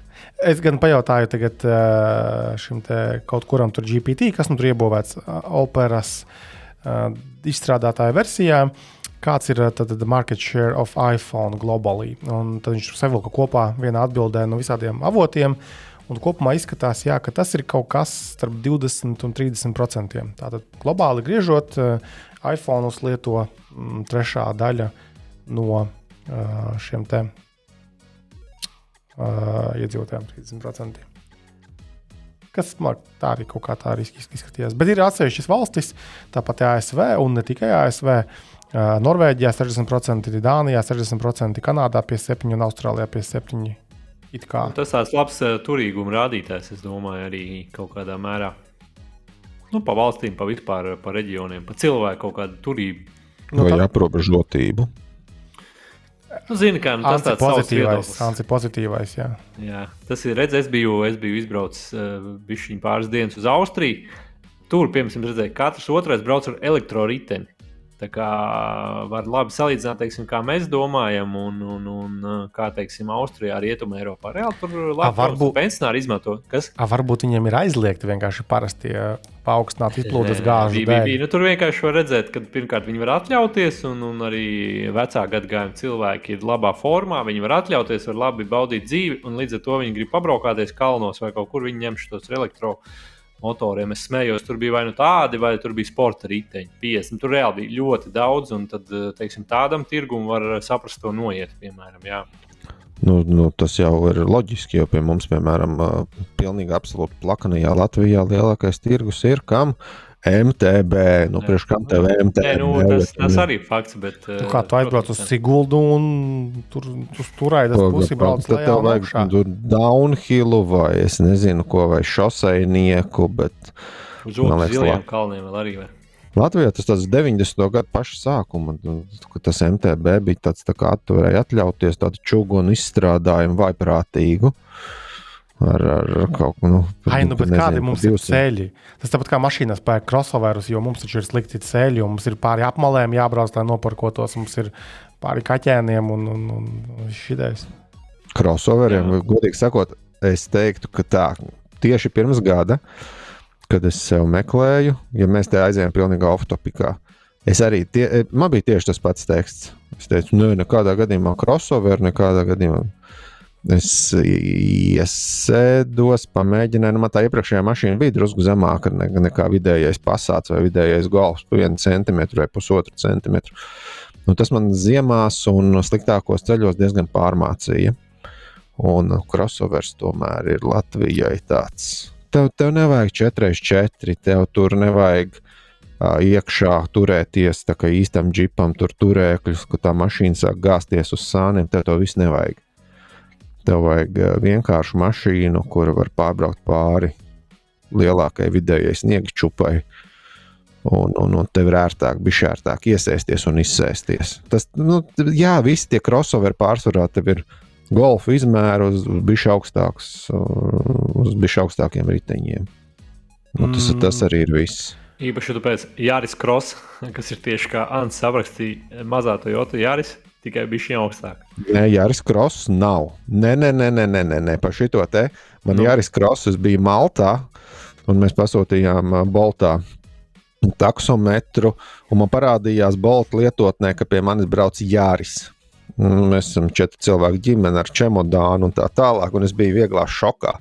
Bet atbrauc Jāris Kross, kas ir pat diezgan ietilpīgs aparāts, tīri simpātisks, un tādu es gribētu, bet man liekas, ka bija pat dārgs. Un tad uzzīmējos es, kurš neizbrauc īpaši no pilsētas, kuram nav sniega kupenām pāri jā, jābrauc ar savu mazo, nu, pietiekami zemo, maziem ritentiņiem mašīnīti. Un, un es cik es jau divas iemeslas esmu vai trīs nobraucis ar to Hyundai, un man nav problēmu ar pagaid. Otrajā nedēļā, kad to Hyundai nopirktu, zaķu salā atsities kaut kur pret zemi un lamājies, jo tad bija šī apakšējā panna bija iedzīta blakus sēdētājiem ceļos iekšā vai kaut kas uz to pusi. Nu, jā, tur bija mana kļūda, jo es vienkārši biju aizmirsis, ka es vairs nebraucu ar Pajero, bet tas tiešām bija. Tur, es biju nesen nomainījis to mašīnu. Bet pēc tam es vairāk es, es domāju, un tad es braucu. Nevis es braucu un tad domāju. Tagad tas, tas viss ir galvā. Ja? Tas pozitīvi raugāmies. Jā, mācies no kļūdām. Jā, tāpēc es domāju, ja mēs nedzīvojam meža viduscītī kaut kādā un nav jābraukā ziemā pa kaut kādiem aizsniegušiem ceļiem, absolūti pietiek ar parastu mašīnu. Un es jau vecāks kļūstu, jo man liekas, ka uz mašīnu tērēt lieku, lieku, nu, nē, nevajag pārspīlēt, bet uh, jo vienkāršāka, jo lētāka mašīna, jo labāk. To naudu var tērēt. Dacia, Logan. I, nekādas vainas. Logan varbūt gluži nē, bet Sandero, jā, Dācijas labprāt brauktu. Nekādas problēmas. Tas Sandero arī nav tāds pussuviņš, ne? Nu, šeit bija tāds, ka nav problēma ar Dāciju. Sandero vienkārši nu, ietilpīgāks, kur čemodānu var iebāzt kaut kādu vai Iekritī. iekriti. Jā, jā. Ja par tehniku mēs aizrunājāmies, tad uh, hmm, jā, es uh, biju aizdzinis uh, manu uh, mociju uz, uz apkopi šonadēļ. Tātad 20,000 nobraukti ar to tenerīru, viņi tur sveces mainīja un kaut ko tur vēl tur. un Tad bija tā kā bišķiņa lielāka tā, tā, tā, tā, tā apkope, un tā kā blakus ir Royal Enfield. un Es arī jau tajā gada moča testu dienā man ļoti iepatikās tas super meteor kruīzerīts mazais. Un tad es uz šīm dažām dienām biju pabraukājis ar to. Un, um, dažas lietas man tā kā citādākas uh, kļuva. Uh, nu, Salīdzinot ar to testa braucienu, kur tev daži apli pa tiem biķerniekiem, un tagad tev vairāk kā 100 km nobraukt pa tām dažām dienām pilsētā un ārpus pilsētas, būs apskats, būs nu, tāds foršāks skatījums. Bet kopumā man ļoti iepatikās uh, tas pats, pati, pati šī moča būtība. Viņš nemaksā dārgi. Cilvēki arī prasīja, oh, cik tas maksā mocis. Uh, nu, saku, nu, jauns viņš maksā līdz ap 8000 eiro. Wow, tik lēti! Jo nu, kā cilvēkiem dažkārt liekas, ka motociklis tas ir tikai dārgais gals, nu, jauni. Bet tā jau, tā jau īsti nav. Un otra lieta, kas bija forši, ir tas, ka mm, tas mocis ir tāds ļoti mm, nebaida. Kā moči mēdz būt tādi, kas ir ļoti intimidating, jeb, jeb, kas tevi baida vai nu tāpēc, ka viņš ir super ass, agresīvs, ā, vai ātrs. Nu, kad tu stulbs cilvēks būdams, vienkārši ātri brauksi un, un, ātri beigsi savu braukšanu, vai kā manas teneres gadījumā augsts. Un tad attiecīgi tev. Nu, grūtāk mītīties vienkārši kaut kādā pilsētā, vēl kaut kur, jo vienkārši nu, tu, tu nevari ērti nostāties uz viņa apstājoties. A, savukārt šitais rojāls mazais, nu, nu, apsēdies un sēdi kaut kur krustojumā, kaut kādā vai, vai sastrēgumā, vai apnika sēdēt, paņēma izmanīvrēju. Un tas, tā, tā, tā lietošanas ērtība un tas, cik viņš ir tāds miermīlīgs un neko tev sliktu neizdarīs, nu, tas vienkārši milzīgi atšķirību rada to, cik pieejams un saprotams tas mocis. Tā kā apskats drīzumā būs. Tad tu esi nākamo mociju noskatījis. Ja? Neobligāti. Tā vēl viena otra atziņa ir tāda, cik tomēr mm, moči ir um, specializēts transports. Uh, Sakot to, es gribu pateikt, ka nu, neeksistē tāds universāls mocis, kas būs visos pielietojumos. Nu, Nu, vienlīdz labs. Nu, piemēram, labi, adventure tādā ziņā ir kaut kas uz to pusi, tāpēc, ka tu vari braukt offroadā, nu, kaut kādā mērā, protams, uh, uzliekot pareizas riepas un, un iemācoties braukt. Un tu vari braukt arī pa normālu ceļu. Ar kruīzeriem, strītiem tu nebrauks offroadā vispār, tāpēc, ka tas nav iespējams. Atkal ar tādu kruīzeri šito te. Nu, pilsētā un piepilsētā mīcītos. Atkal tā kā tur nav stikls nu, šim modelim, bet var uzlikt. Uh, tad arī tālie gabali īsti nebūs, jo nu, nav ērti baigi braukt bez, bez, bez stikla, tādus tālus gabalus un nogurdinoši vienkārši te pūš nost. Tāpēc nu, nav universālais. Principā tad nu, normālam čalim un čalenē būtu jābūt vairākiem motocikliem. Ar vienu tu brauc tālajos ceļojumos, no kāds milzīgais gaiss vai triumfs vai whatever. Uh, Kur tu divu tā ar kastēm apkrauts, vari aizbraukt līdz Alpiem, ja, un paskatīties, kā, kā tu brauc ar tiem elektrospēdiem. Ja. Uh, tad tev ir jābūt kaut kādam, nezinu, tur mm, krosam, acīm bez maz vai ar kuru kāpas plosīt un sunu noņemt uh, cilvēkiem par prieku. Un pēc tam beigt dzīvi, pārraujot rīklī pret kādu drāti nostieptu mežā.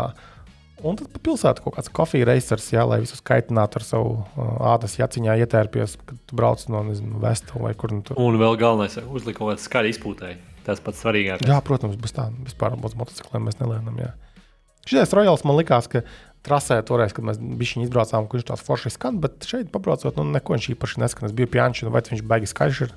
Nu, nav viņš tāds miermīlīgs. Miermīlīgs. Jā, Jāncim jau dzird uz vecumu švakāk. nu, man arī. Ko? Perfekti izspēlēja joku. Perfekti.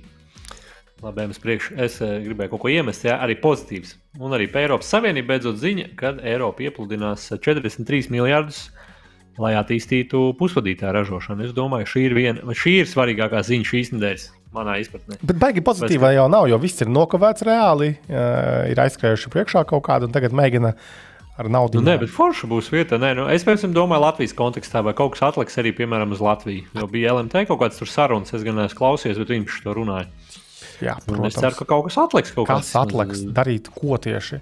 Nu, varēs braukt uz ārzemēm, strādāt, iegūt Latvijā labu izglītību, un, nezinu, Polijās kaut kādu pusvadītāju rūpnīcu. Test, testēt risinājumus kaut kāds visdrīzāk varētu būt. Nu, arī tā. Mm. Nu, tā kā tā, man tā liekas diezgan ā, forša ziņā, kad um, Eiropas plāns saražot ir 20% pusvadītāji no visas pasaules. Tā kā tas man liekas forši. Tas nozīmē, ka ir laikam īstais laiks pirkt Intel akcijas. Atkal Intel ir nogāzies ārkārtīgi, bet tā kā visi, Jā, mēģina, tā kā visi mēģina baigi stiprināt šitos te uh, biznesus, tad, tad, varētu būt. Arī kāds jaunais uzziedies, bet nē, laikam tā nav tā joma, kur kaut kāds jauns spēlētājs ienāks. Tur, tur nekas jauns Pat ar visām uzziedēt. Eiropas investīcijām. Jā. Pā, pārāk dārgs biznesa tas ir. Nu, tā ir. Jā. Um, jā, jā, jā. Bija kaut kāda ziņa arī par Intelu, uh, kad viņi bija tā dievojušies, ka ne, ne, ne, ne, ne, nebūs dārgāki procesori rudenī. Bet, nu, cik mēs varam ticēt šādām lietām? Nu, to jau tikai redzēs, tagad iznāks. Mm. Jaunās ar jauniem superduper nosaukumiem. Nesaprotu viņiem.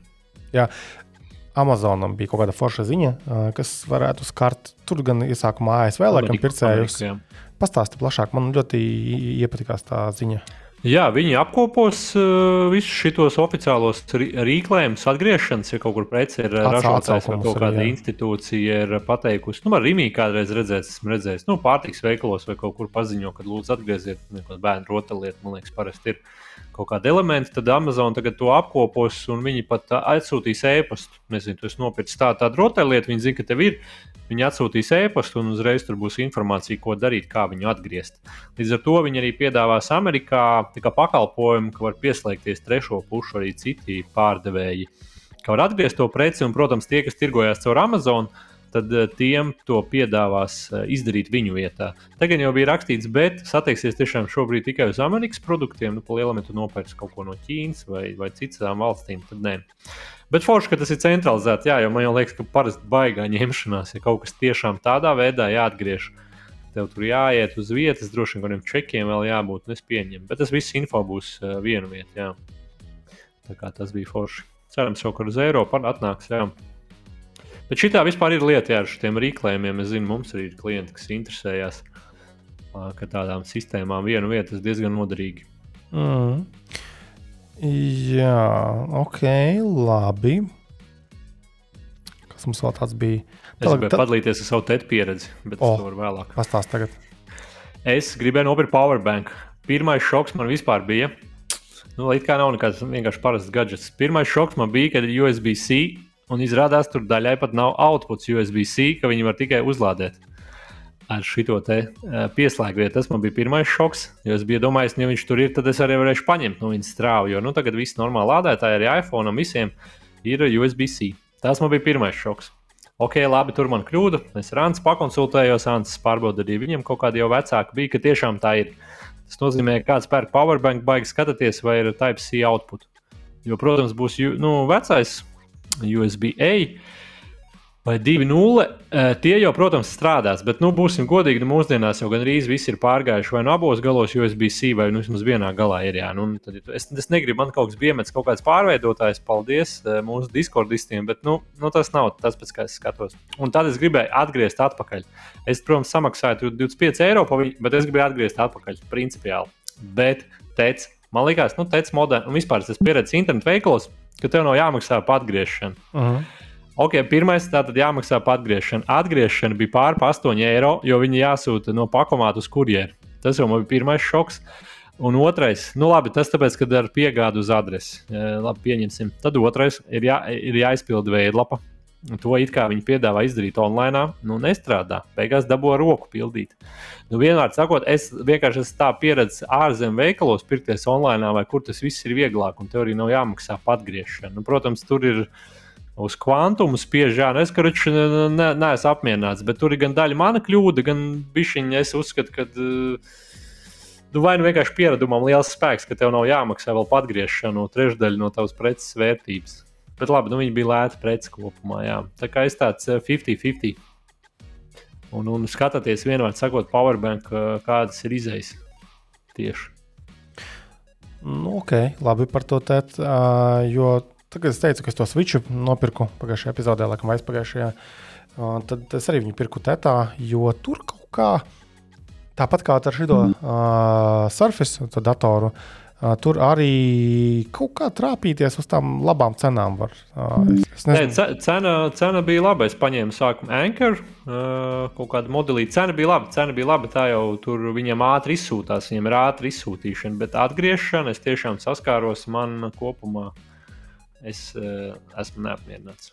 Bet man liekas, ka Tetam tas ir eh, tāds, uh, nu, tas, tāds viņa tas rokrakstīns, jo es arī kaut kad pirms gadiem atteicos no viņa pakalpojuma. Un, kā, kā Henrijs teica, mājaslapā bija baigās problēmas atrast vispār, kur to varēja izdarīt vismaz to brīdi.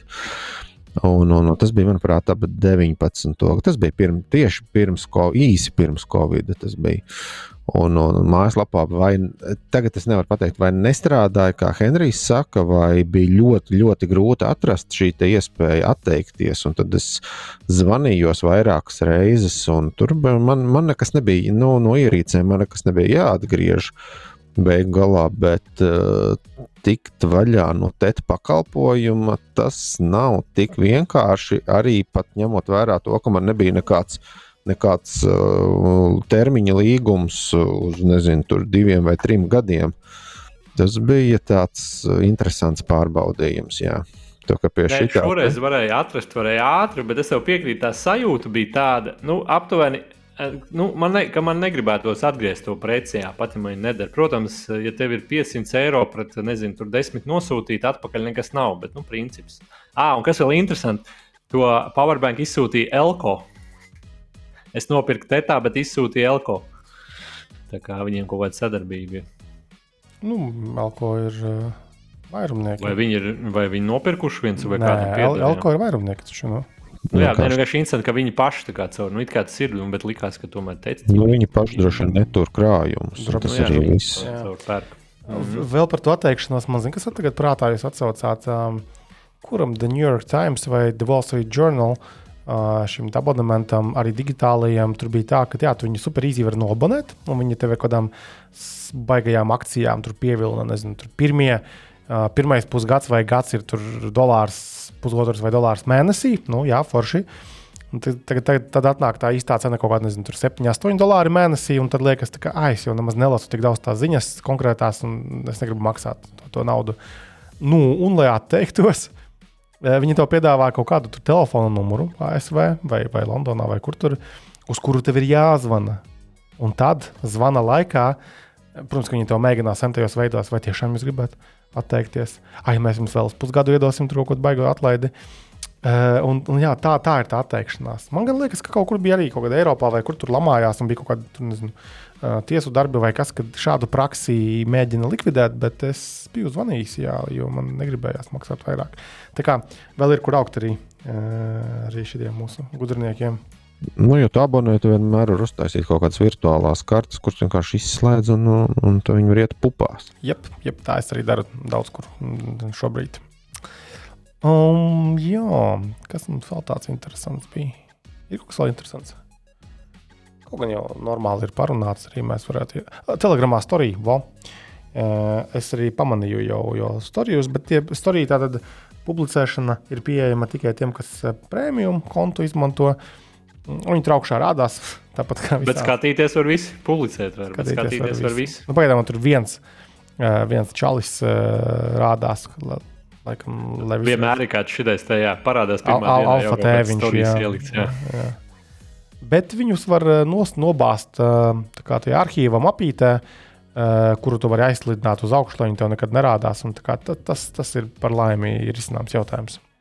Jo nav jau tā, ka tas arī mums vajadzīgi visās lietotnēs un, un visur, visu laiku. Lūk. Ok. Nu, labi, tad, ja mums nav nekā tāda baigi, tad mēs varam sarulēt mūsu viedokļus, aizdedzināt, kopīgi uzvilkt un domāt labas un pozitīvas domas vēl nedēļu. Tā kā paldies, kungi, par dalību šajā epizodē. Tagad viss kopā sakām atā, atā. Atā.